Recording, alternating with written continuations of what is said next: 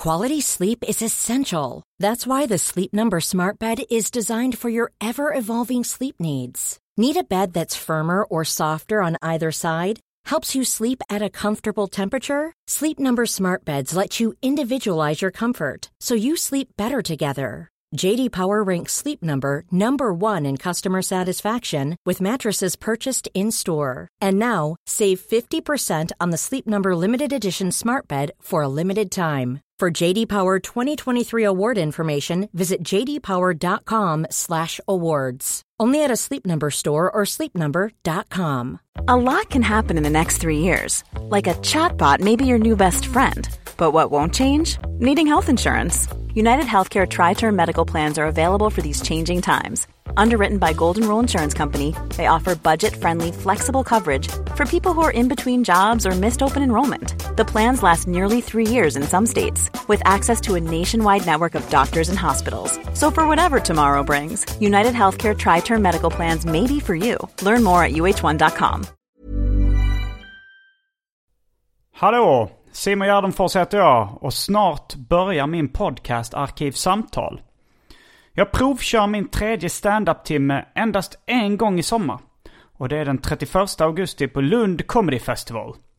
Lika bra att säkra en biljett till det nu direkt. Showen innehåller skämt som inte tidigare varit med i mina specials som finns på YouTube. Länkar till allt det här och mina andra kommande gig hittar ni på gardenfors.blogspot.com. Ni får jättegärna stötta min verksamhet som entertainer på patreon.com arkivsamtal.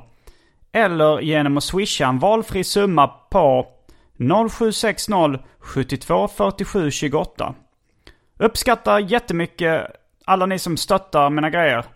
Jag har inte så jättemycket andra inkomster för tillfället så er hjälp är lite en förutsättning för att jag ska kunna fortsätta pumpa ut underhållning på det sättet som ni är vana vid. Följ mig också gärna på sociala medier som till exempel Instagram och Twitter. Det är både roligt och informativt. Men nu kommer Arkivsamtal. Som klipps av min redaktör Marcus Blomgren. Mycket nöje.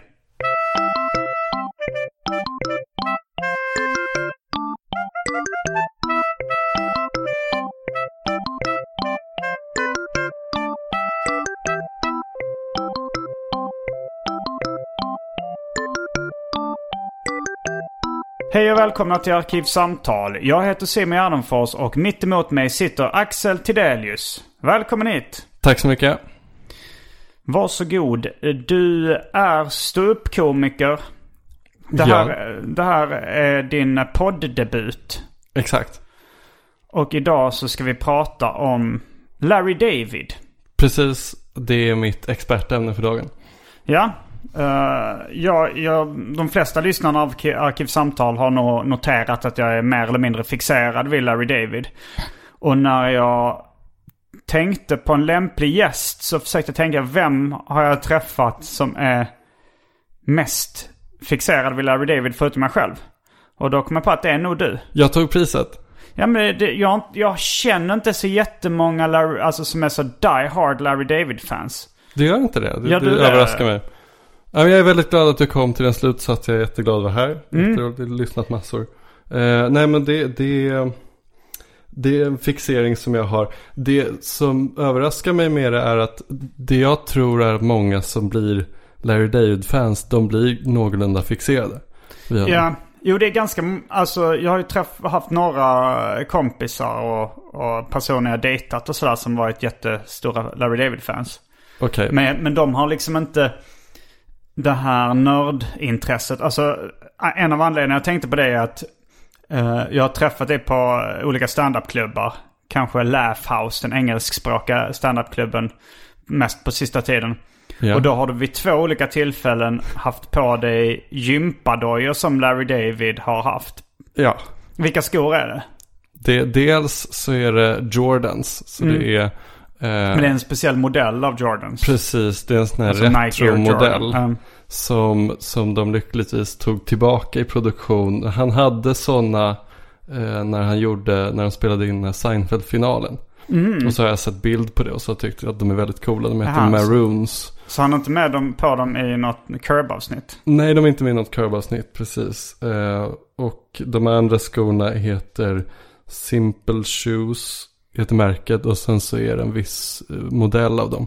Mm. Ja, som jag har lovat dig att visa på nätet, för du var också intresserad av dem. Ja, men det var, det, det var där jag kanske lite fattade hur, hur tungt nere i Larry David-missbruket du var. När du Exakt. kom fram med dem och frågade, vet du vem som har sådana här skor? Jag Exakt. tyckte jag kände igen dem från Curb Your Enthusiasm. Precis, det är inte bara att jag har skorna, det är också att jag inte kan hejda mig från att skryta om dem. Nej, Liksom. nej, det, det är att jag tror att alla andra kommer att in, bli imponerade Inte också. alla andra, men du kanske, du tänkte, du visste väl att jag var ett Larry-fan? Exakt, att, det är faktiskt min go-to-replik om jag vet att någon är Larry-fan. Mm. Då säger jag att vet du, vet du vem som har de här skorna? Så har jag ofta Larrys skor på mig. eh, Eh, det här har hänt eh, tidigare. Jag, jag träffade min eh, flickväns föräldrar. mm, Och det visade sig att de var fans av Curb. okej. Vilket jag De blev jätteglad över då? såklart. Ja, precis. Det, det förbättrade mina prospects jättemycket. Ja. Och då, då sa jag just så här att, att pekade ner mot mina skor så sa jag att så här, gissa vem som har de här. Mm. Visade sig att hennes pappa som är Texasbo jobbar med att designa cowboyhattar. Mm. Han hade på något sätt då designat någon keps som Larry har haft i, i något så avsnitt. Mm. Så att vi, vi blev genast väldigt bra kompisar. Ja. Den enda som inte har blivit imponerad när jag har sagt det, eh, som har kollat på Kirby är Jonathan Rollins. Som har startat just den här Laugh House-klubben. Mm. Och det var, då blev jag också överraskad över just så här att han är inte fixerad vid Larry som person. Han tycker bara att serien är rolig. Aha, ja. Så, men, men det är annars min spaning med just Curb, att många blir väldigt fixerade vid hans personlighet och så här, vad han gör för någonting och så här. Jo, det har jag också hört. Att så, när jag, jag hade en kontorslokal eh, en gång. Då var det bland annat med eh, artisten Jenny Wilson. Och hon hade just börjat kolla på Larry David. Hon sa ju så att, att hon störde sig på honom i början. Men sen efter ett tag så började hon älska honom som Ja, ja. person också. Det, lite så jag kände också. Jag, jag störde mig nog också på Larry David första gången jag såg honom då i, i Exakt. det, jag började med det här pilotavsnittet som sen blev liksom förlagan till uh, Curb. Alltså hans HBO special. Men vi kanske ska ta, ehm, ta det lite mer från början. Ehm, jag skulle bara inflika då att jag var med på just Laugh House när vi nämnde det när du träffade din flickvän från USA. Hon satt i publiken. Ja, Och, eh, jag, och eh, ni pratade med varandra och du fick hennes e-mailadress. ja. Och jag, det kändes också lite som en Seinfeld eller Curb-dialog tyckte jag när jag försökte övertala dig om att hon var intresserad. Det kan vara så när vi har kommit en sån dialog. Ja. Eller hur? Alltså, Ja, det var verkligen som, är du dum i huvudet? Det är klart hon vill Ja, att du ska höra det. av dig nu. Precis, Det du gick in i en sån här brygga över Ja. en viss detalj. Att varför förstår du inte att hon vill att du ska höra av dig nu? Ja. Och då hade du ändå just gjort en stand-up-rutin som handlade om att du inte förstod signalen när kvinnor var intresserade av dig. Precis, Vilket, precis. vilket hon uppenbarligen har hört Precis. dig köra just på scen. exakt, Det blev exakt. väldigt uh, Seinfeldeskt. Men då har det blivit dags för um, det omåttligt populära inslaget Välj drycken.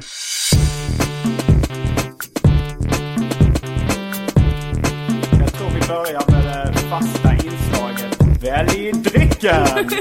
Vi satte oss, innan vi började spela in det här avsnittet så satte vi oss och såg eh, och fyllde i en Larry David-lucka som vi båda hade.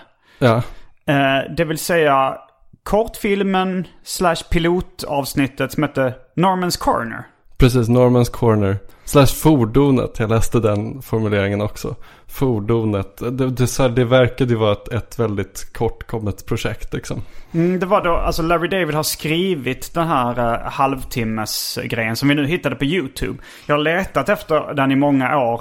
Uh, det enda jag hittade, man fick typ, det enda sättet jag kunde se den var att någon sålde en VHS-kassett med den i eh, i USA liksom på Amazon eller någonting. Att man var tvungen att beställa. Och då var man tvungen att beställa massa. En, en VHS-samling där den bland annat fanns med på. Och där, Precis. där, där tänkte jag att det gör jag någon gång i framtiden. Men förra året är det tydligen någon som har laddat upp den på YouTube. Jag tycker att det här är väldigt roligt att du schemalägger att du kommer göra det här absurda draget någon gång i framtiden. det Det är liksom... När någonting är svåråtkomligt så blir man ju extra sugen på få det Ja, också. om någonting är svåråtkomligt för mig då kan jag komma in i ett psykotiskt ögonblick där jag Mm. måste beställa det just då. Men sen förstår jag det senare att, att det här är jättedumt. Du däremot schemalägger här och kommer antagligen göra det någon gång i framtiden. Nej, jag sig. nu när jag finns på YouTube så... Ja, precis. Jag glömde det. Just, just nu behöver du inte det. Nej. Men, eh, men då, det tog en halvtimme så då så drack vi lite vatten. Du drack lite vatten och jag drack, och vi båda drack vitt vin. Som, Precis. som jag har en, en klunk kvar av och du har typ nästan allt kvar. Nästan allt kvar Men du, i men, en du får välja, ja. eh, men du får välja om du vill ha någonting nytt. Någon side order. Eh, kanske en ny servering av vin eller någonting. Men, men här kommer i alla fall eh, alternativen. Oppigårds Everyday IPA. Fanta Zero. Il Nostro vitt vin som vi just nu håller på att dricka. Dry Martini. Sherry. Hawaii Gay Club. Sen finns det Red Bull i smakerna kiwi, tropisk apelsin och cola. Förresten, de har gått ut nu, datumstämpeln. Ännu bättre. Så de kan vi stryka från listan. Okej. Ja, eller om du vill ha gammal Red Bull. Ja. Sen är det häxblandningen, det vill säga alla drycker som fanns i min kyl innan det genomgick en så kallad corporate rebranding. Och för tråkmånsar och nejsägare, vatten. Jag är ingen tråkmåns nej säger det. Nej? Jag kan ta sherry. Ja, men då, eh, jag, jag fyller nog på lite vitt vin. Och då är vi strax tillbaks med dryckerna kända från det omåttligt populära inslaget Välj drycken. Häng med!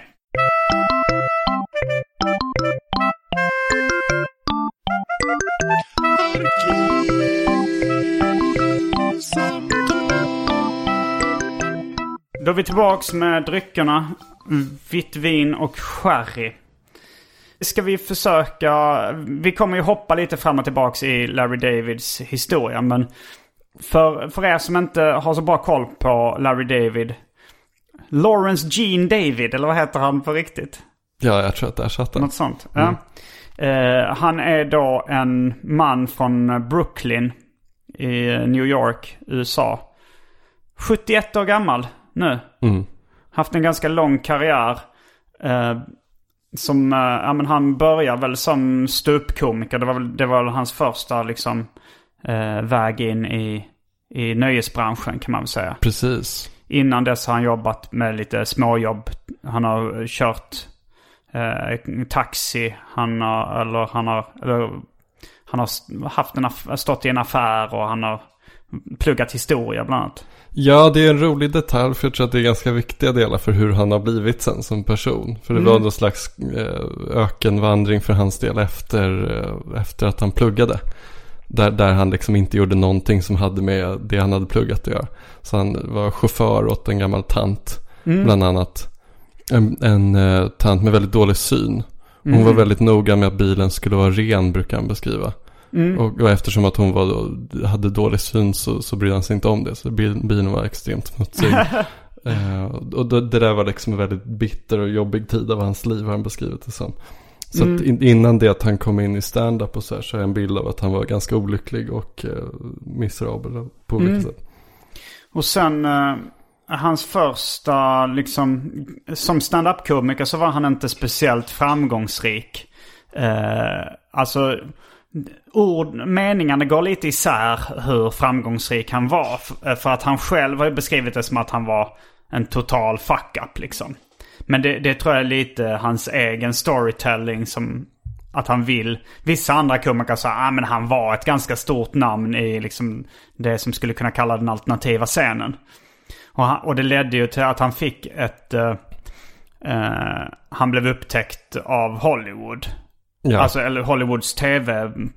Jag vet inte om, alltså, om han började jobba på Fridays innan eh, SNL. Alltså Saturday Night ja det, Live. det tror jag att han gjorde. För Fridays då var eh, kopian av Saturday Night Live som då gick på fredagar och var ett sketchhumorprogram. Precis, jag tror han- att han beskrev det som att han trodde att det var ett skämt när de kallade det för Fridays. För att det var så pass fånigt. Mm. Det var att- så likt Så Saturday Night pass Live. fånig pastisch liksom. Ehm, Jag har sett en väldigt eh, rare Larry David stand-up rutin. Okej. Uh, ja, det, det var ju då Larry Davids granne, Kenny Kramer. Ja. eh, som då är en, en del av inspirationen till eh, Kramer i tv-serien Seinfeld. Precis. Alltså Cosmo Kramer. Precis. Eh, men han, den grannen, eh, han gör en slags Seinfeld Tour i New York som jag tror är, pågår fortfarande. Ja. Att man får då eh, åka på en liten busstur och kolla på olika Seinfeld-relaterade sightseeingmål. Mm. Till exempel då, ja men eh, exteriören, restaurangen där de sitter på. Eh, man får äta på Soupnuts istället och, Precis. och lite sådana saker. Men då var det också i bussfärden så sa då Kenny Kramer att jag har en väldigt ovanlig inspelning av Larry David. Och då var det eh, för att det var så här att eh, eh, Larry skulle vara med i någon amerikansk talkshow. Ja. Och, och så sa han, så sa Kenny Kramer, ah, ska jag spela in det från tv?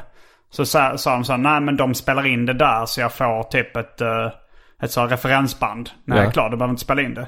Och så sa, han, så sa, så sa då Kenny liksom, nej spela in det för säkerhets skull. Och sen så kom han tillbaka och så, så sa han, eh, ja fick du med referensbandet? Nej det blev något fel så det, det spelades aldrig in. Ja.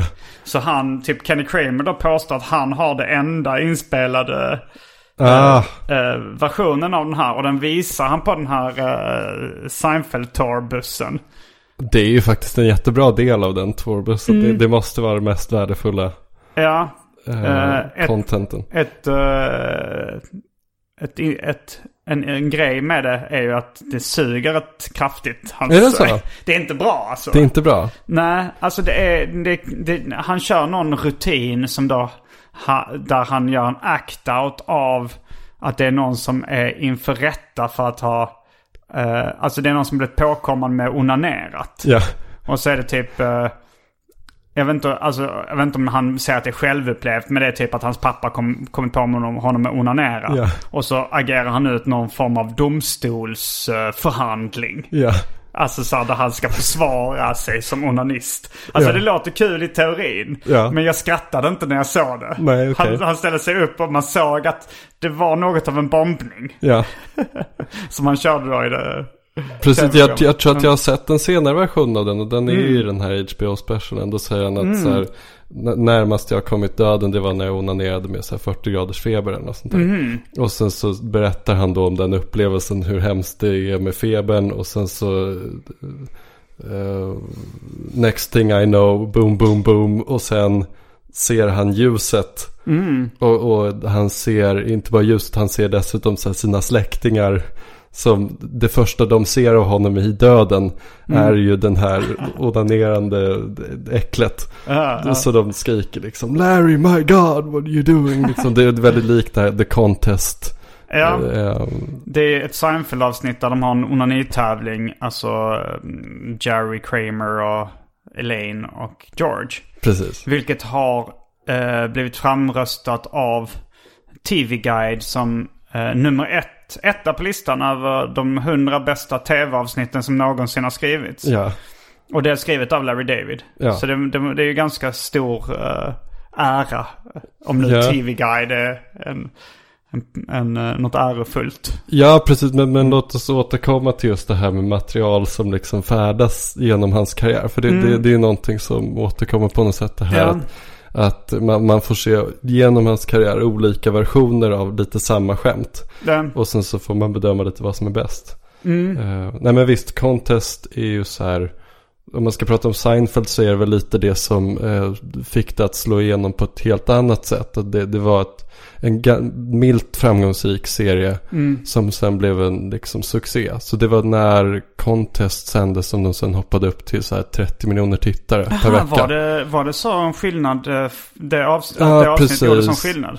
Precis, alltså någonstans i den, i den eh, regionen i alla fall. Och jag, jag har en bild av att det fanns en sån här väldigt eh, tydligt hopp i Mm. tittarsiffror. För det har inte jag hört innan, men det kan väl stämma. Nej, precis. Nej, men det är någonting som jag har fått höra. Det du, har, vad har du gjort för, alltså vad har du haft för källor på din Larry David-kunskap? Har du läst mycket på nätet eller läst några böcker eller vad har du? Ja, precis. Jag har läst väldigt mycket på nätet och lyssnat väldigt mycket på intervjuer. Och då dels med honom och sen så med Jerry Seinfeld och sen så personer och sådär, Ja. som, som har jobbat med den serien och sådär. Eh, och det blir på något sätt att det är ett löst hopplock. Där jag inte kan riktigt referera till var det kommer ifrån. Men, Men, men det är någon slags hörselminne där jag plockat upp den här typen av ja, information. det, fin- han medverkar ju inte i så jättemånga poddar. Det, mest, det känns ju mest att han går med på att medverka så, i poddar när det är någon han känner som håller i podden. Ja, precis. Om det är då till exempel Jeff Garlin som, som, han, eh, som han spelar mot i Curb Your Enthusiasm. Ja, Och sen var det någon podd där han eh, pratar mycket sport med någon sportintresserad kompis. Mike Lupica Okej. eh, är en, en sån här sportjournalist i, USA eh, som är rätt framgångsrik. Eh, dyker också upp i Seinfeld som referens vid ett tillfälle. The Red Dot-episoden. Där eh, George ska försöka imponera på de som jobbar på det här bokförlaget som han då har blivit anställd på. Eh, och de frågar så här, what do you read? Och då säger han efter en stunds betänketid Mike Lupica. Och det är liksom en sportjournalist, helt fel svar. Ah. Ja, Jag är skulle ha sagt en, en, Ja. rysk författare Ja. från 1800-talet eller något sånt där. Men är det en sån top of mind så att skämtet var att de vet mycket väl vem Mike Lupica är? Nej, de vet nog inte vem Mike. Lupica är. Skämtet är att han försökte säga att han sa det för att imponera på dem.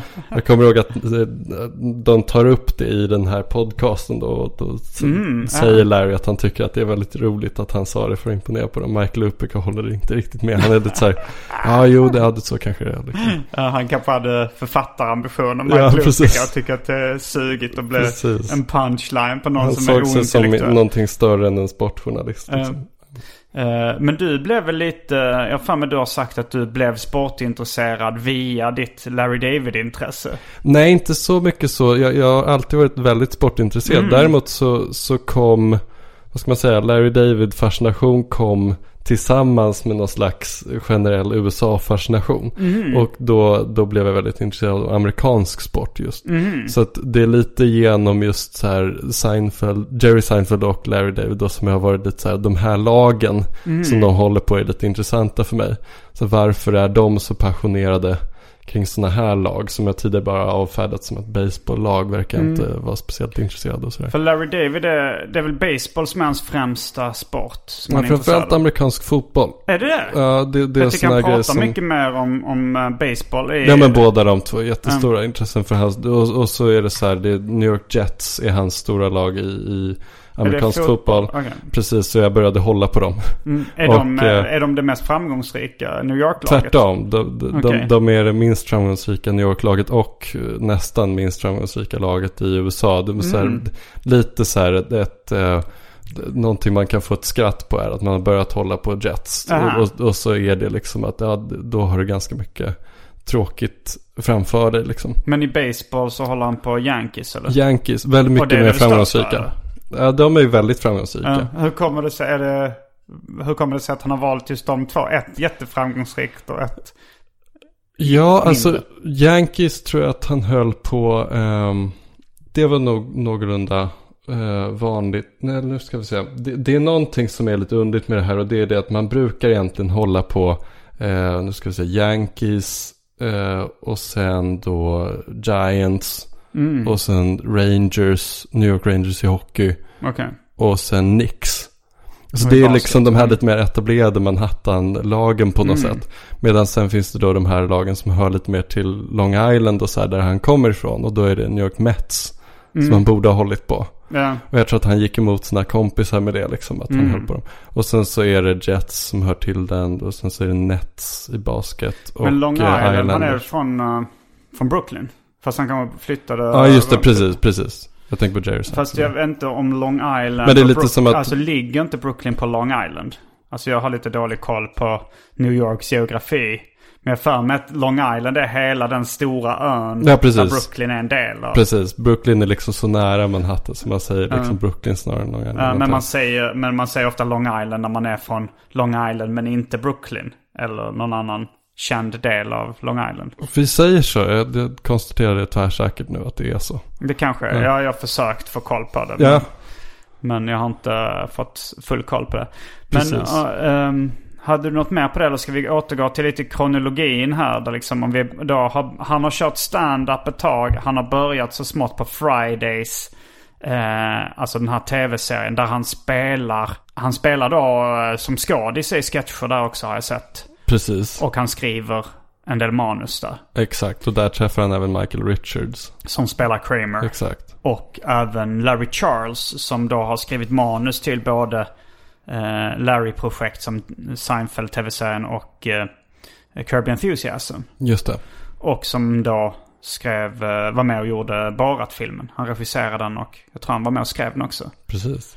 Ehm, så, så det var ju viktigt för honom på det sättet. Ja, har du sett mycket av Fridays? Nej, jag, tr- jag tror heller inte att det går att se så mycket. Alltså, Det, finns med var- på YouTube.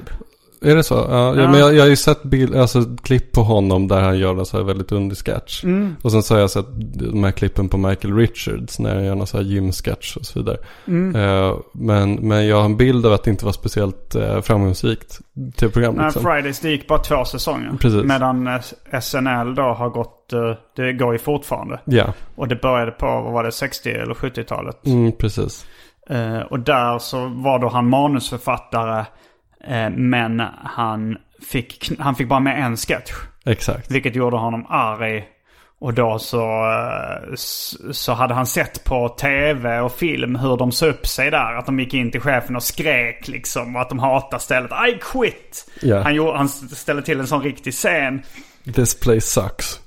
Ja, och sen så då så gick han hem och pratade med sin granne Kenny Kramer. Eh, och eh, sa det här kanske var ett misstag. Eh, jag vet inte hur jag ska betala hyran och räkningar och sånt nu. Det var ju rätt bra jobb, mycket på hög lön och så. Precis. Och så sa då Kenny, men gå, gör så här, gå bara tillbaks nästa dag och eh, låtsas som ingenting. Och det testade Larry. Och det funkade, det var ingen som, som sa någonting. Han bara jobbade vidare där då, trots att han hade sagt upp sig. Han kanske inte lämnade in några officiella papper när han sa upp sig, men... eh, men det har han ju då skildrat i eh, Seinfeld. Att George gör samma sak i ett avsnitt. Eh, men enda skillnaden är att de, när han kommer tillbaks så säger folk, sa du inte upp, sa, sa inte du upp dig George? Ja, precis. Jag tror att också att det är, visst är det Jerry som övertalar honom att komma tillbaka till jobbet. Ja, som att ingenting har hänt också. Ja, precis. Så, så att eh, det, det är ju mycket mer, eh, det är mycket roligare om, om ingen går med på det liksom. Mm. Om det är någon så här lite näsvis jobbig person på kontor som säger nej Ja. men du slutade ju. Men han bodde i, på, då, när han liksom bodde granne med Kenny Kramer, det var på, jag tror det var i, eh, det var på Manhattan då. Kanske i eh, Hell's Kitchen eller något sånt där. Och det var ett sånt specialhus som var liksom subventionerat för folk som eh, jobbade inom scenkonsten. Ja precis, jag tror att han, eh, han bodde egentligen i the- the porn district länge. Mm. För att hans, någon släkting till honom hade någon så här lägenhet där. Mm. Och, och, och det är så här lite rowdy område så att, så att han brukade låtsas som att han var en eh, narkoman när han gick hem. Mm. han brukade liksom gå haltandes och skrika och göra konstiga läten för att ingen skulle råna honom. Ja, det var en story som jag missat. Ja, exakt. Så, så det, var, det var liksom det området han bodde i New York tror jag under tiden han gjorde stand-up och så här. Så då, då, då hade han väldigt, väldigt lite pengar och så där. Ja. Ja, det- han åt typ beefaroni har jag läst. Alltså så här köttfärs på burk eller någonting. Ja. Som också har, eh, jag tror det, det skildras i Seinfeld någon gång när hästen äter beefaroni och blir gasig i magen när Kramer ska... men, eh, men, men sen efter då, eh, hans SNL-tid. Det var där den, alltså innan då, Seinfeld blev hans stora genombrott, Larry Davids. Eller i alla fall som eh, manusförfattare. Ja, Som skådis och ansikte utåt så eh, var det ju med Kirby Enthusiasm. Det som på svenska heter Simma Lugnt Larry. Som blev hans, det var då man började känna igen honom. Det var då jag fick reda på vem han var. ja. Och den, den, den HBO-piloten som var då förlagen till den serien, den kom 99. Så det är ju 20 år sedan. Det är ju jävligt länge sedan. Men, eh, men innan dess så fyllde vi just i en lucka att han hade gjort den, den här eh, eh, Normans Corner. Precis. Med Gilbert Gottfried. Mm. Eh, 88. Visst var det så? Ja, Ja, jag tror det. det Innan dess precis måste han ju ha, innan ha varit skådis i...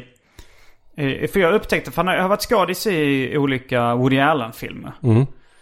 Eh, alltså Radio Days är han någon slags kommunistisk granne, spelar han där tror jag. Exakt. Vilket år kom den? Var det innan Normans Corner? För jag för mig den var typ, det var på 80-talet. den kom. Ja, alltså. Eh, det, det är så jobbigt att liksom placera de här i tid. För att Mm. de här tv-projekten ser så himla gamla ut. Ja. Medan Woody Allen, det är ju liksom storfilmer då. Mm. Så, så att eh, de ser ju mycket mer uppstädade ut. Det kan ju vara så att de är tidigare i alla fall. Men jag vet att han var med i... ehm, han har varit med i någon Woody Allen-film innan det att han började. Innan med, Radio ja, Days. precis. Jag tror att han var med i en, ja men just det, han är med i en film som heter New York Stories. Just. Och där är han faktiskt med på film. Medan Radio Days så tror jag bara att man hör honom skrika liksom. Medan New York Stories, där är han med och spelar liksom lite tillsammans med Woody Allen. För att Woody Mm. Allens mamma har försvunnit i ett magitrick. Mm. Och eh, då är Larry vaktmästare på, den, på det Mm. stället. Och sen långt senare, typ 2007, så var en huvudroll i filmen Whatever Works. Exakt. Men då hade han ju redan slagit igenom som, uh, ja men Curb-killen liksom. Precis.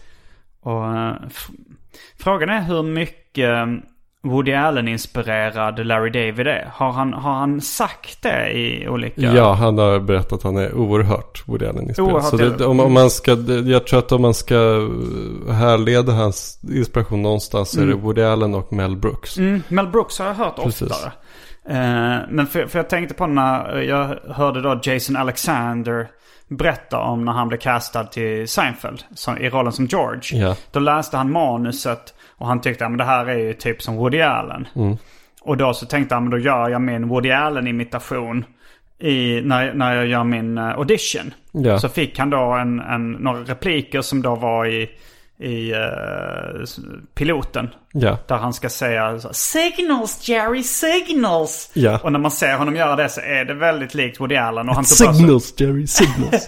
han tog på sig glasögon Ja. som då Jason Alexander inte hade vanligtvis för att han ville bli mer lik Woody Allen. Eh, Men han sa då att Jerry Seinfeld och Larry David de fattade inte att han gjorde en Woody Allen-imitation. Utan Nej. de bara sa perfekt, det är det här vi letar Ja. efter. Och sen, och sen fortsatte han göra det fram tills då eh, eh, fram tills eh, han insåg att eh, den här karaktären är väldigt baserad på Larry David. Alltså karaktären George. Det var, det var typ han, han kollade på manuset, Jason Alexander, och sa så här.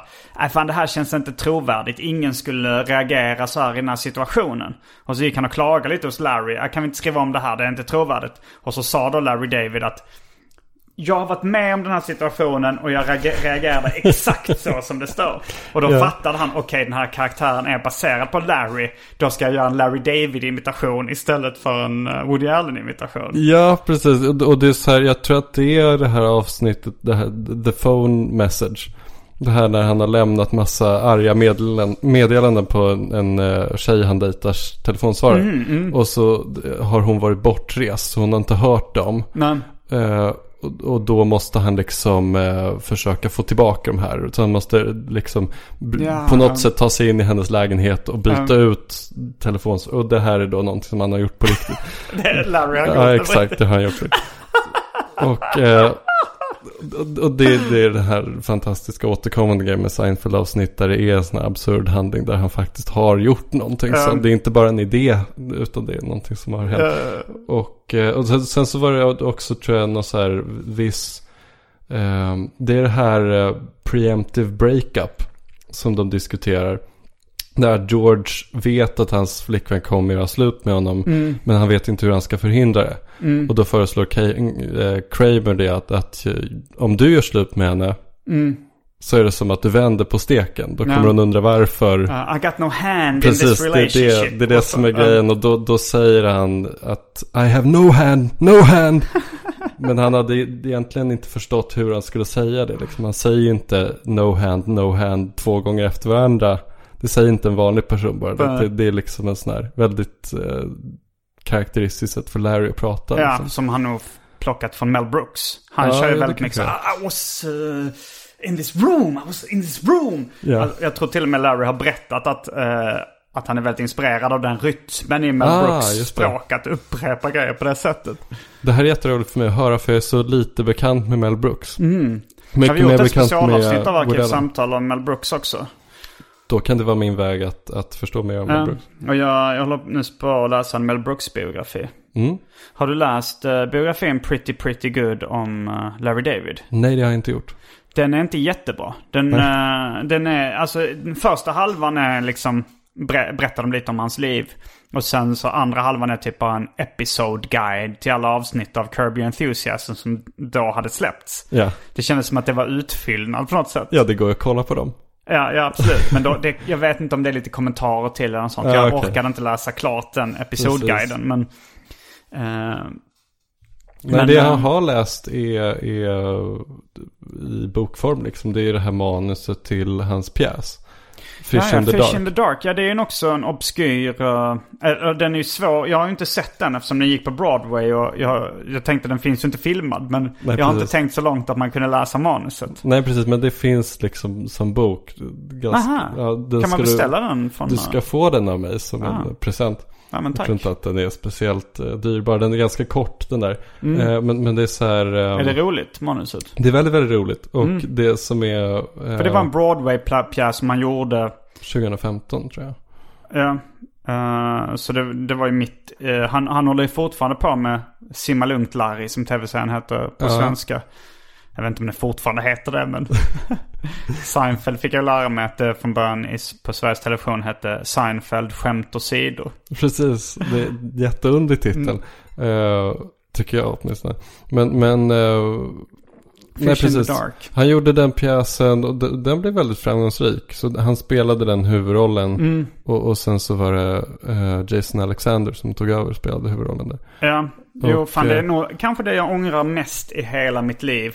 Det var att jag och eh, Jens Rosengren som har filmat väldigt mycket av uh, grejerna jag har gjort.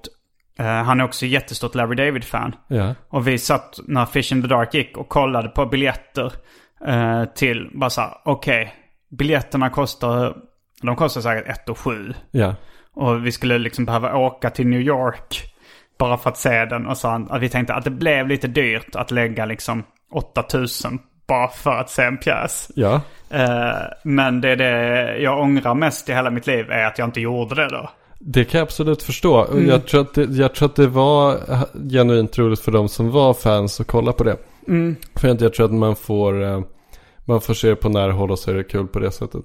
Eh, Men, men så här, det som var roligt med att läsa det här manuset, det var ju det att man får se liksom på något sätt eh, någon slags rytm i de här replikerna. Så om man är intresserad av skrivande och så här, så, så blir det väldigt kul att läsa. Att så här, ja, jag antar att det här är skrattet. eh, På grund av det här och det här. Och, och det, det Skriver han kul. ut det? Jag antar att här kommer det skatt. Nej, nej, Mm. utan, utan det är snarare att, att man, kan, man kan märka på replikerna. Liksom, Att det här är en sån här replik som det, det, det han antagligen fick skratt på. Det är en sån här grej som med allt läsande, liksom, man kan föreställa sig på ett ganska kul sätt hur det såg ut. Liksom. Jag läste en Rolling Stones. eh, Jag köpte, jag var i USA när, eh, när den skulle ha premiär. Mm. Och då var Larry David på the cover of the Rolling Stone. Som Ja, är ju en stort. sån här uh, milstolpe för de flesta inom showbiz. Mm. Och det handlar ju mycket om att Larry David är så här, är lite ambivalent. Av så här, jag vet inte varför jag gör det här. Det, eh, mina föräldrar är döda så det är inte för att imponera på dem. Men, men jag blev ganska nyligen singel så jag antar att det är för att för kvinnor. Jag antar att det är därför jag gick med på det här. Jag har haft Ja. ångest för att göra den här intervjun. Jag tycker inte det är roligt. Och då pratar man om, om Fish in the Dark.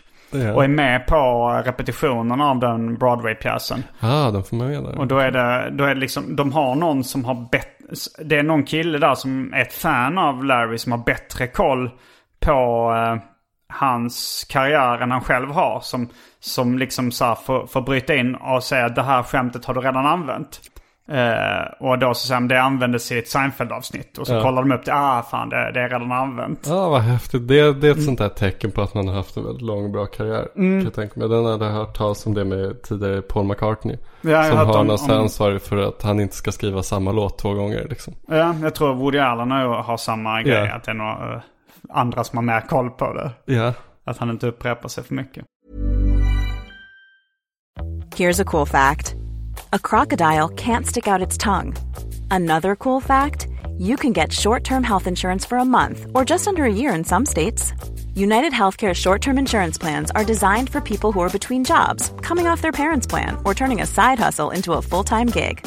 Underwritten by Golden Rule Insurance Company, they offer flexible, budget friendly coverage with access to a nationwide network of doctors and hospitals. Get more cool facts about United Healthcare short term plans at uh1.com. Hey, I'm Ryan Reynolds. At Mint Mobile, we like to do the opposite of what Big Wireless does. They charge you a lot, we charge you a little. So naturally, when they announced they'd be raising their prices due to inflation, we decided to deflate our prices due to not hating you. That's right. We're cutting the price of Mint Unlimited from $30 a month to just $15 a month.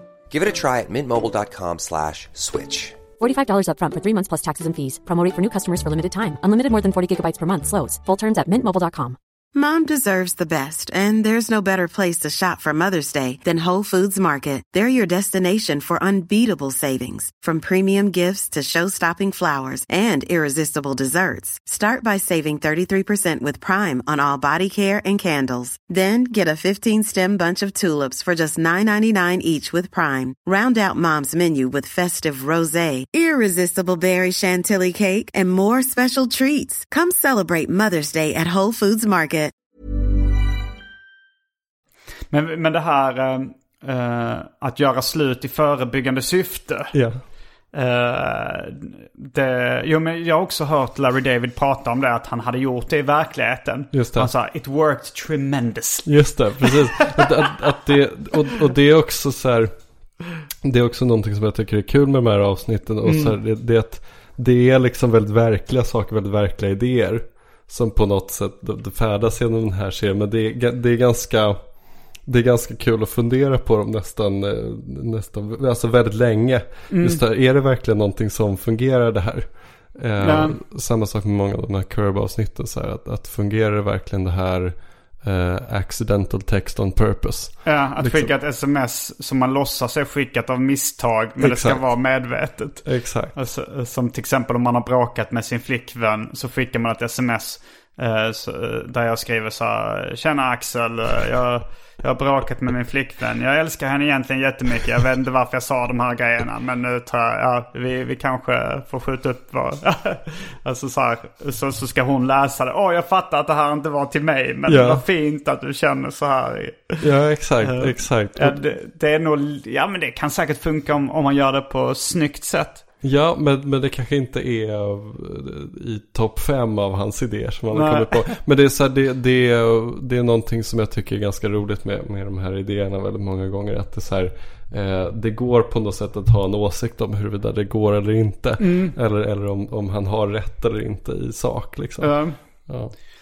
Men, eh, men om vi då har eh, kommit fram till eh, den här luckan vi just fyllde i, det vill säga Normans Corner. Som Ja. kom då två år innan pilotavsnittet av Seinfeld. ja. För pilotavsnittet av Seinfeld kom 89. Mm. Det vill säga 30 år sedan. Just det. Och eh, 87 då så, så gjorde han den här piloten med Gil- komikern Gilbert Gottfried i huvudrollen. Ja. Jag gissar att han, även han är ju, av judiskt här, härkomst. Ja, precis. Ganska känd och, och eh, helt eh, egen röst. Han har väldigt gnällig så här. Alltså väldigt Ganska här- bra imitation tycker jag. För Han, för jag, jag hade aldrig försökt imitera honom. Han hade väldigt så här eh, egen röst. Verkligen. Mm. Alltså, så här, jättegnällig och eh, väldigt så här, skrikig ofta i intervjuer Mm. och sådär. Jo, jag såg honom upp i filmen eh, The Aristocrats. Dokumentären om ett skämt. Mm. Som. Mm. oftast görs väldigt grovt. Eh, och då trodde jag inte han pratade så på riktigt. Jag trodde han trans, att han hade en karaktär. Precis. Men eh, han verkar ju prata så.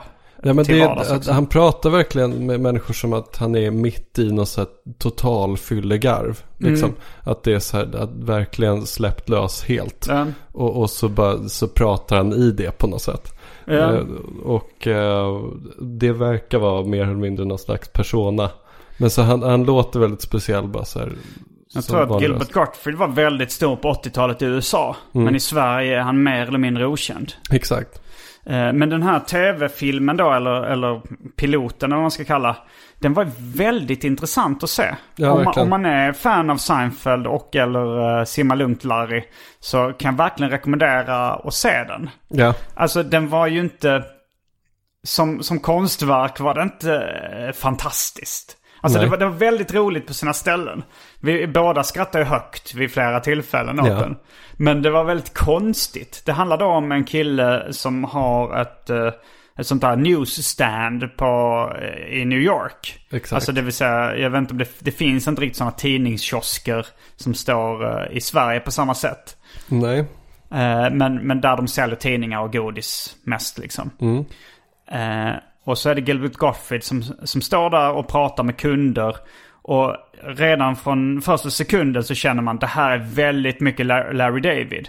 Alltså Ja. mycket Larry David rants. Eh, Ja, och väldigt bara- mycket liksom vad som man märker tidigt i Seinfeld vad de försöker åstadkomma. Det vill säga att, att verkligen porträttera någon slags New York, Ja, och en autentisk New York-miljö liksom. Och absolut a show about nothing. Alltså de, de pratar ju om eh, väldigt små saker. De, de kan bli, alltså på samma sätt som i Seinfeld kan de bli besatta av någon godisbit eller liksom. Ja, exakt. Eh. Väldigt mycket så här att, att hantera irritationsmoment.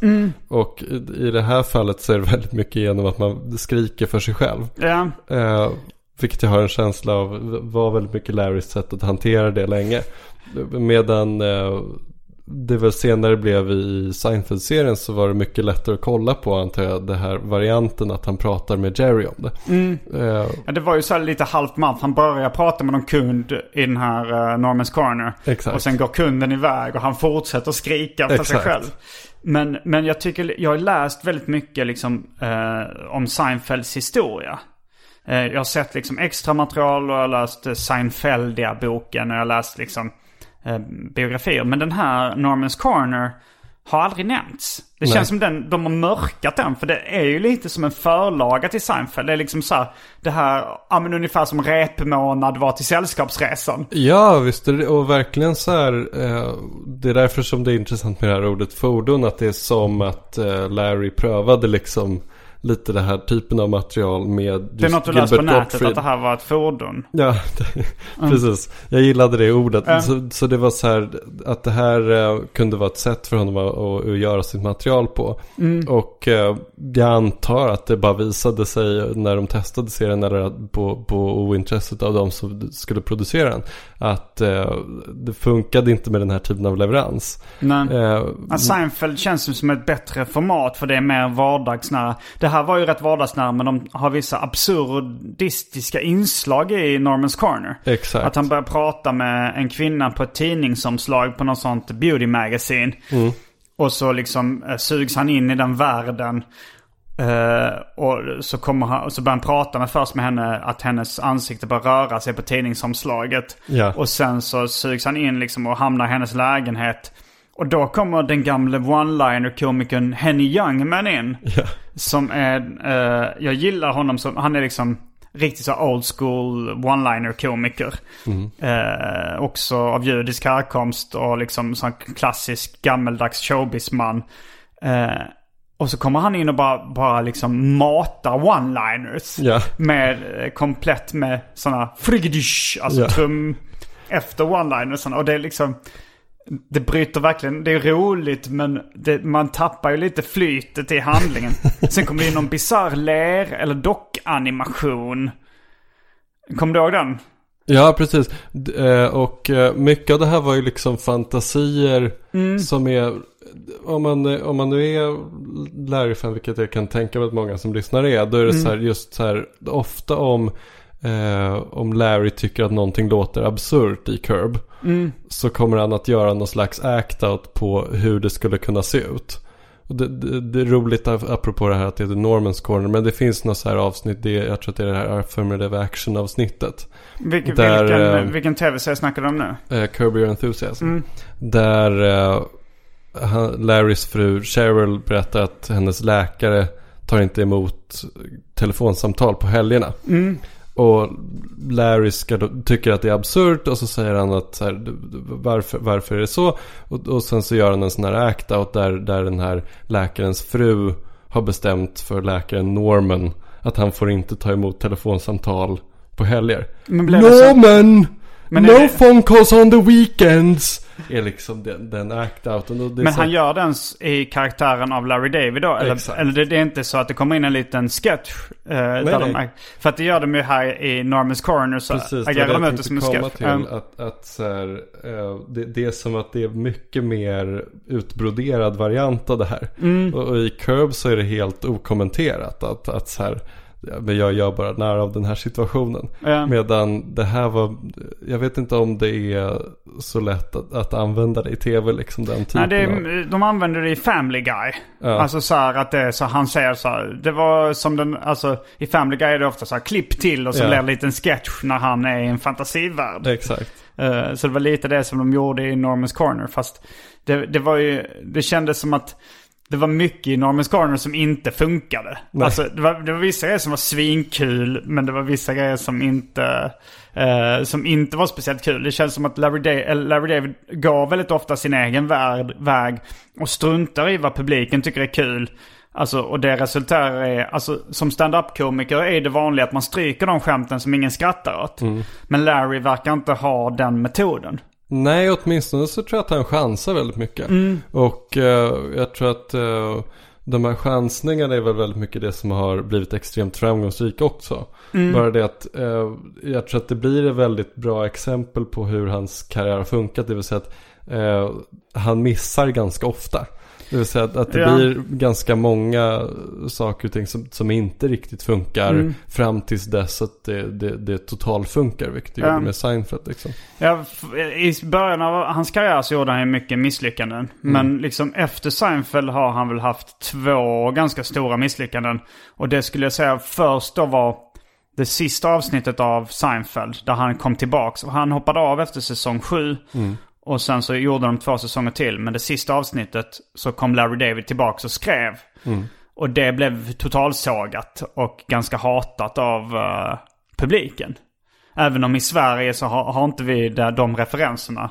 Alltså det, då, då jag såg det sista avsnittet, ja ja, det var okej. Ja, Men, jag- det är många, men när, när man läser sig biografier så är det så här, hur, eh, hur hanterar du den här floppen? Ja. Alltså för, det, för alla hatar det. Precis, och jag, jag tror också att det är så lite som sådana tv-finaler ofta blir.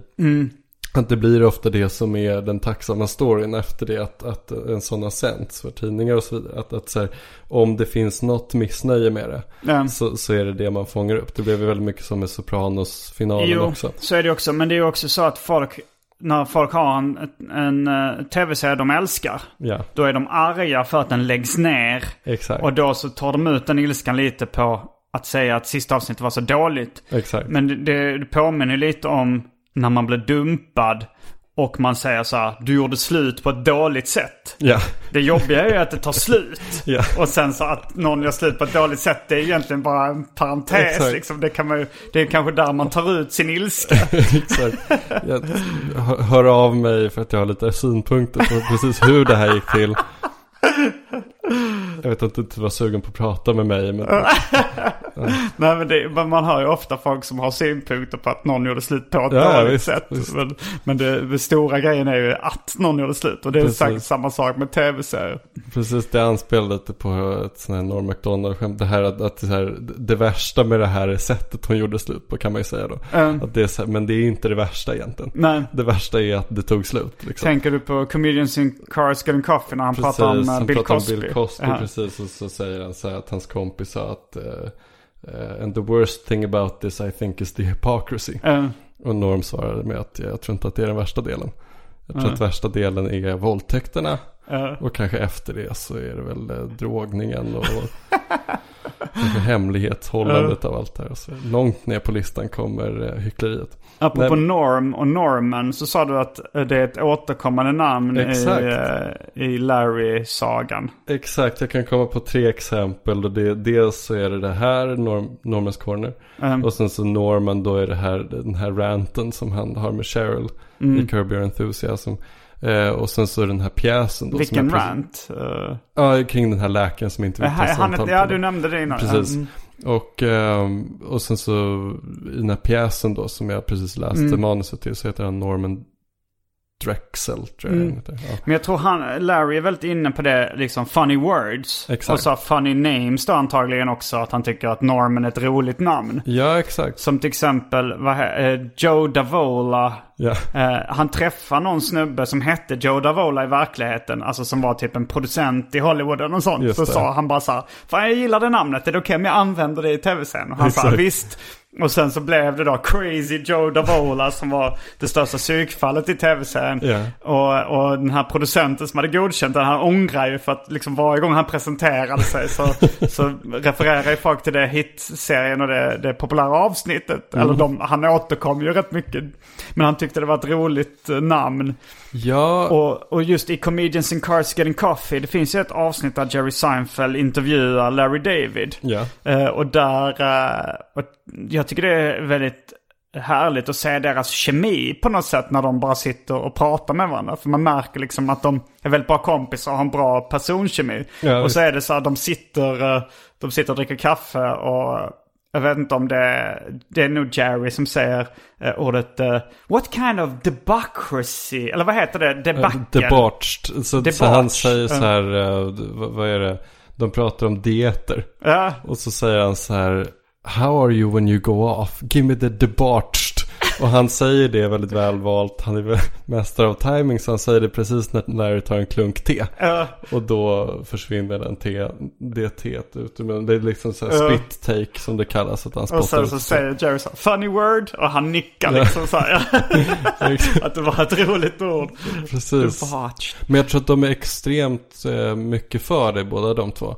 För jag såg en intervju också med varför Jerry. funny words? Eh, Dels roliga ord, dels roliga namn, bara så här roliga läten av olika slag. Och, och Mm. han, han var ju en sån här frågesport om Seinfeld-serien av någon anledning. Det var sån här väldigt litet program. Mm. Och eh, då, då blev han tillfrågad väldigt mycket om så här olika namn som skulle i så fall ha dykt upp i serien. Mm. Och så hade de olika exempel och han hittade liksom alltid rätt namn och Mm. alltid rätt ord för saker och ting.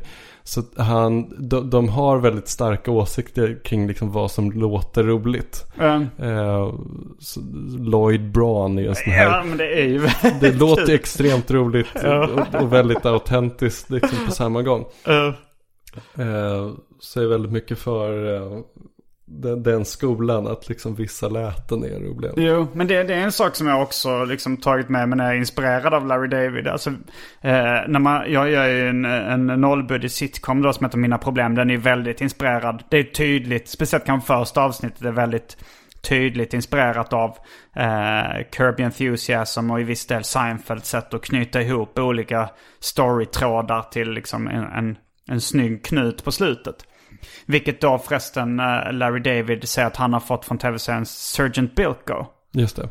Eh, som är någon tv-serie som jag inte har sett men som gick eh, andra halvan av 50-talet i USA. Exakt. Har du sett den? Jag har inte sett den men jag vet att det är en sån här svartvit historia som ska vara väldigt rolig. Mm, den kanske man borde kolla upp också. Ja, jag tror att den, den står sig. Men det här med funny words tycker jag också så att ibland kan liksom jag dra ett skämt och det som är eh, det som är det roliga är, är liksom ordet. Om jag säger uh, framstupa sidoläge tycker jag till exempel är liksom Ja. ett roligt uttryck. Om Ja. man då säger det i punchlinen uh, behöver inte finnas där. Liksom man märker att det, det, det är ordet folk skrattar åt. Ja, eller- precis, precis. Det kan ju vara ofta så att, att du säger någonting väldigt specifikt. Mm. Eh, som är liksom, du hade inte behövt namnge just det här. Nej. Så då blir det väldigt roligt. Precis. Eh, Men det är rätt många tv-serier som har inspirerats av uh, Kirby Enthusiasm. Alltså väldigt Mm. tydligt. Jag skulle säga den danska tv-serien Klovn. Eller Clown kanske det uttalas på danska. Stavas K-L-O enkel-V-N. Har du sett den? Jag har inte sett. Svinrolig. Alltså Mm. många avsnitt är, ja, men till och med roligare än många uh, Curb-avsnitt. Eh, och sen så i Sverige så hade vi ju då Anders och Måns som gjorde succéduon som var då uttalat Curb-inspirerat också. Ja. Förutom då, och sen gjorde jag då Mina Problem som också är uttalat Curb-inspirerat. Ja. Sen har jag funderat på hur pass uh, Kirby Enthusiasm inspirerat uh, The Office är. Alltså uh, Ricky Gervais brittiska The Office. Ja. För den kom ett år efter uh, uh, liksom piloten eller det här HBO-specialen som var förlagan till Curb. Och det är båda två är mockumentärer. Och när uh, Ricky Gervais uh, liksom skulle intervjua sina idoler så intervjuar han ju Larry David. Eh, så, att- och, och det här liksom cringe comedy som liksom blev ett lite, vad jag vet, inte ett stort begrepp innan de två tv-serierna. Båda två rör ju sig i den fåran. Precis, och, och, och just det här att, att ha en kamera och så vidare. Att, att det, det på något sätt. Ja, det är dokumentärstilen. Ja, precis. Det var väl lite nytt för eh, komedi. Har jag en bild av. Att, att eh, liksom spela in det på det sättet. Eh, Ja, eh, precis. Jag tror att det är det. Och sen så var det väl han eh, Gary Shandlings serie också. Larry Sanders Show.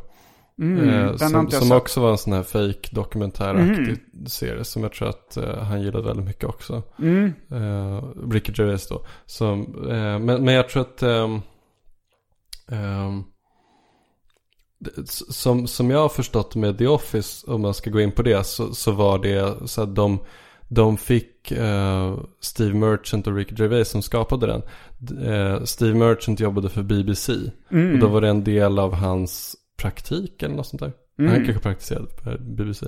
Och eh, då var det en del, någonting han bara skulle göra, någonting alla anställda skulle göra var att göra ett reportage, ett tv-reportage. Och då gjorde han, då valde han att göra ett fake tv-reportage. Han valde att göra en fake dokumentär. Och Ricky Gervais, den här karaktären David Brent, som, eh, den hade de då liksom gjort på sitt kontor när de jobbade ihop, Steve Merchant och Ricky Gervais. Okej, ja. Så han hade liksom bara gjort den hela tiden och då var det så här, ja men kom in och gör den lite. Och sen så hade han liksom eh, märkt när han hade eh, suttit i edit att det här ser jättebra ut. Eh, jag, jag tror att eh, jag tror att de var väldigt eh, imponerade av de här serierna dock. Eh, som kom innan dem, liksom de här fake dokumentärkomedierna liksom. Om vi ska gå tillbaks till Larry Davids, Larry Davids floppar eh, efter Seinfeld då. När han började vänja sig vid framgång. Så var det, förutom då det sista avsnittet, så var det ju det han gjorde efter det sista avsnittet. Det vill säga filmen eh, Sour Grapes. Sour Grapes, ja. Eh, har du sett den? Jag har sett den, ja, precis. Men jag tror bara en gång. Jag har sett den en gång också. Och jag tyckte inte den var bra. Ja. Tyckte du den var bra? Tyckte du den var rolig? Jag, jag kan förklara mitt förhållningssätt till hans floppar. Ja. Och det är att, att jag tycker att det liksom inte translates. Alltså hans material då. Ofta så tycker jag att materialet är väldigt, väldigt roligt. det tyckte jag nog också här med Normans Corner. Att, att det var nästan alltid roligt. Bara det att leveransen fungerar liksom inte. Nej, men Eh. jag tyckte att, eh, att Gilbert Gottfried levererade Larrys material väldigt bra. Ja, visst, visst. Men, men, men eh, för, för Sour Grapes räkning så, så skulle jag nog säga att pacingen i den filmen är, alltså det vill säga tempot i den se- Ja. filmen är mycket mer tv-liknande än, än vad den är film. Ja, Eh, han, han, han hade ju då liksom... Jag vet inte om det var samma tv-bolag som gjorde Seinfeld som finansierade. Eller i alla fall någon... Jag har mig jag läst att det var... Att han tyckte att ja, men jag har dragit in så mycket pengar åt de här så att de ska eh, fan eh, finansiera min film nu. Ja, det är möjligt. Och, och men det läste jag den här Pretty Pretty Good. Mm. Och så gjorde de det men de gav den en ganska liten budget och satsade ganska lite på den. Ah, okej, och den okej. blev ju inte så bra. Alltså det var ju skådisarna i den tycker inte jag är speciellt. De har ingen bra komisk timing. Nej, Och sen tycker jag att manuset är inte så fantastiskt. det är en rolig grundidé om man ska nämna grundidén så är det väl att, att två killar spelar på kasino i, i Las Vegas och, och så vinner de bara det att den ena fick låna ett mynt från sin kompis och då är frågan så hur ska de göra med vinsten? Ja. Det tycker jag är ett otroligt roligt grundmaterial liksom. Jo, det, det är en intressant frågeställning. Och när jag såg den så funderade jag på, för att det handlar ju då om att eh, en av dem blir snorrik. Ja. Eh, och så ger han lite pengar till den andra. Men han, eh, han, så han blir ganska rik. Han får kanske 100 000 dollar. Men han är ändå missnöjd. Ja. Eh, och jag funderar på, är det liksom en nyckelroman-liknande grej för då att han, att han, eh, att det är en metafor för Seinfeld-tv-serien. Att det är så här att eh, han och Jerry Seinfeld skapade den tillsammans. Jerry Seinfeld blev uh, jätterik och berömd. Visst, Larry David blev också jätterik och inte riktigt berömd. Ja. Men han kanske kände att ah, det här har vi ju skapat tillsammans. Nu vann du mycket mer på det här. Ja, just det, att, det, just det. att det är lite som att han lånar ut ett mynt till Jerry. Det är jätteroligt. Det är en Ja. väldigt, rolig metafor. Verkligen. Jag tror det kan vara att han har gjort det omedvetet. Det kan också vara. Eh, Det, det, det är ett väldigt roligt ämne det här med vem som får äran för den framgången. mm, ver- Tycker jag. verkligen, det är spännande. Och, och, och det är kanske någonting som jag har varit mest sugen på att prata när du Och det här var ju innan eh, Larry då hade fått sin ära via Kirby Ja, Enthusiasm. Så ingen, väldigt få kände igen hans ansikte. Så han, hade inte, så han måste kanske ha känt en större bitterhet i det sammanhanget. Ja, alltså just inför den floppen åtminstone. För jag har en jättestark känsla av att hade inte den floppat. Mm. Så hade just långfilmer varit det han var intresserad av att göra. Ja, förmodligen. Just Han har gått apropå Woody det, Allen, liksom. Precis. Jag tror att det hade varit just Woody Allen-liknande filmer fast med mycket mer raunchy material. Liksom. Mm. Vad betyder raunchy? Alltså mycket mer, eh, alltså för en stor del av den här um, um, Sour Grapes-filmen går ut på att en kille till exempel kan uh, göra oralsex på sig själv. Det, det, är mycket mer så här, ehm, Men vulgärt mycket material. mer vulgärt material, precis, än, än vad det hade förekommit i en Woody Allen-film. Mm. Liksom.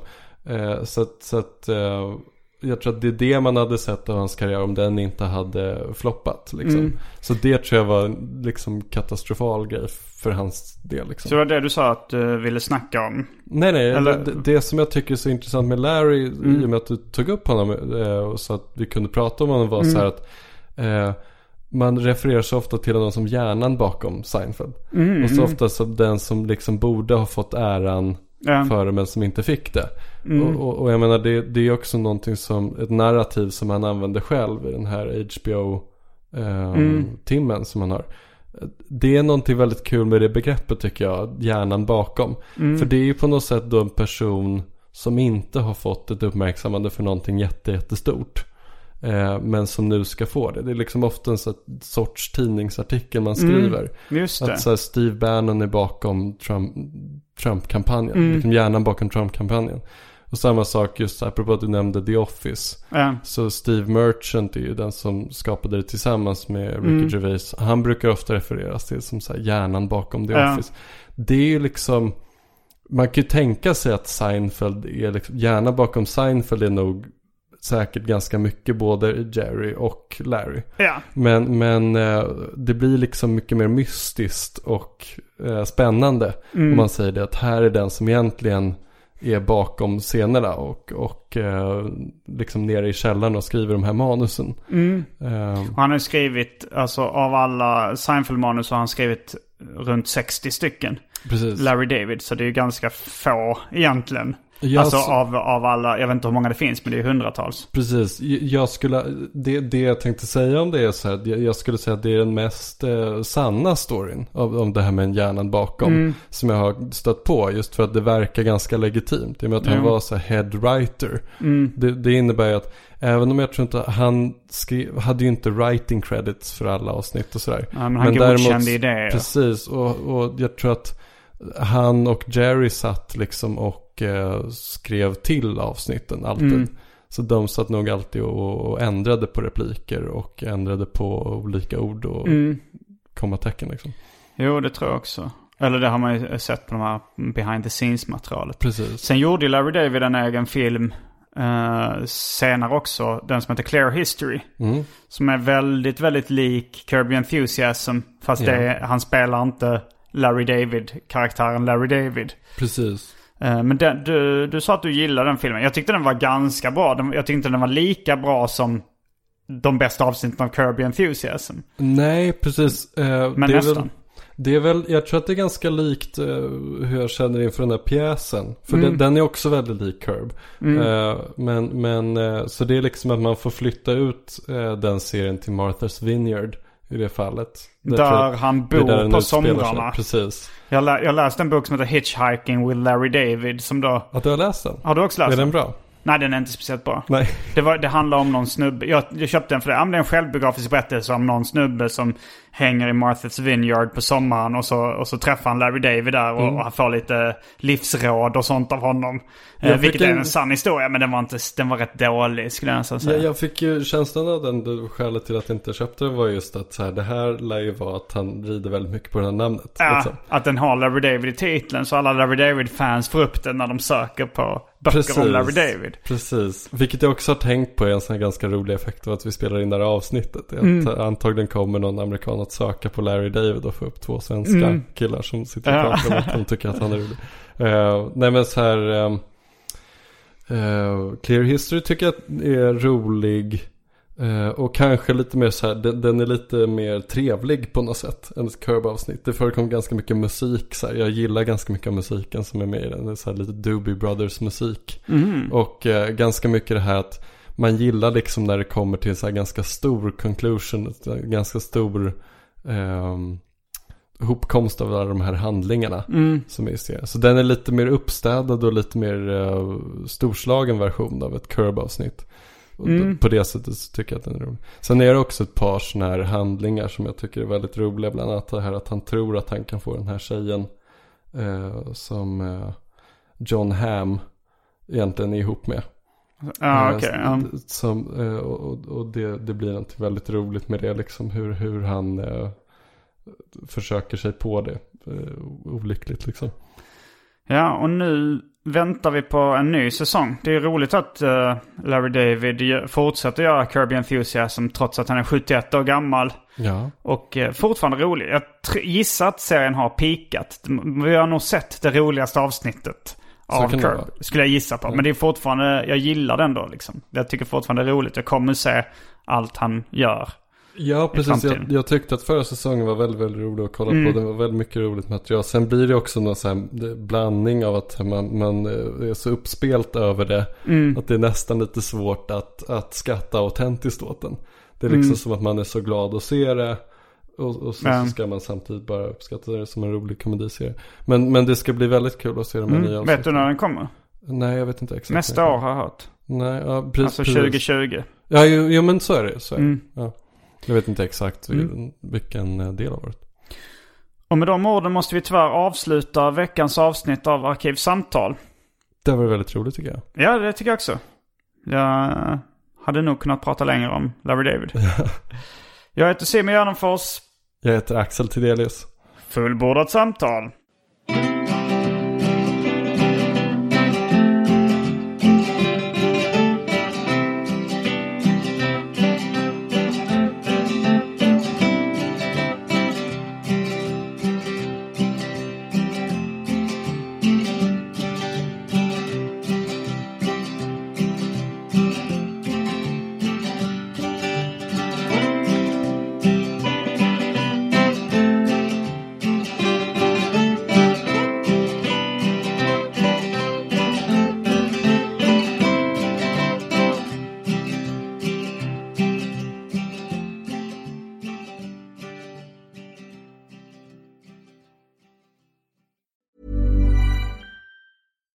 Hi, I'm Daniel, founder of Pretty Litter. Cats and cat owners deserve better than any old fashioned litter. That's why I teamed up with scientists and veterinarians to create Pretty Litter. Its innovative crystal formula has superior odor control and weighs up to 80% less than clay litter. Pretty Litter even monitors health by changing colors to help detect early signs of potential illness. It's the world's smartest kitty litter. Go to prettylitter.com and use code ACAST for 20% off your first order and a free cat toy. Terms and conditions apply. See site for details. Mom deserves the best, and there's no better place to shop for Mother's Day than Whole Foods Market. They're your destination for unbeatable savings, from premium gifts to show-stopping flowers and irresistible desserts. Start by saving 33% with Prime on all body care and candles. Then get a 15-stem bunch of tulips for just $9.99 each with Prime. Round out Mom's menu with festive rosé, irresistible berry chantilly cake, and more special treats. Come celebrate Mother's Day at Whole Foods Market.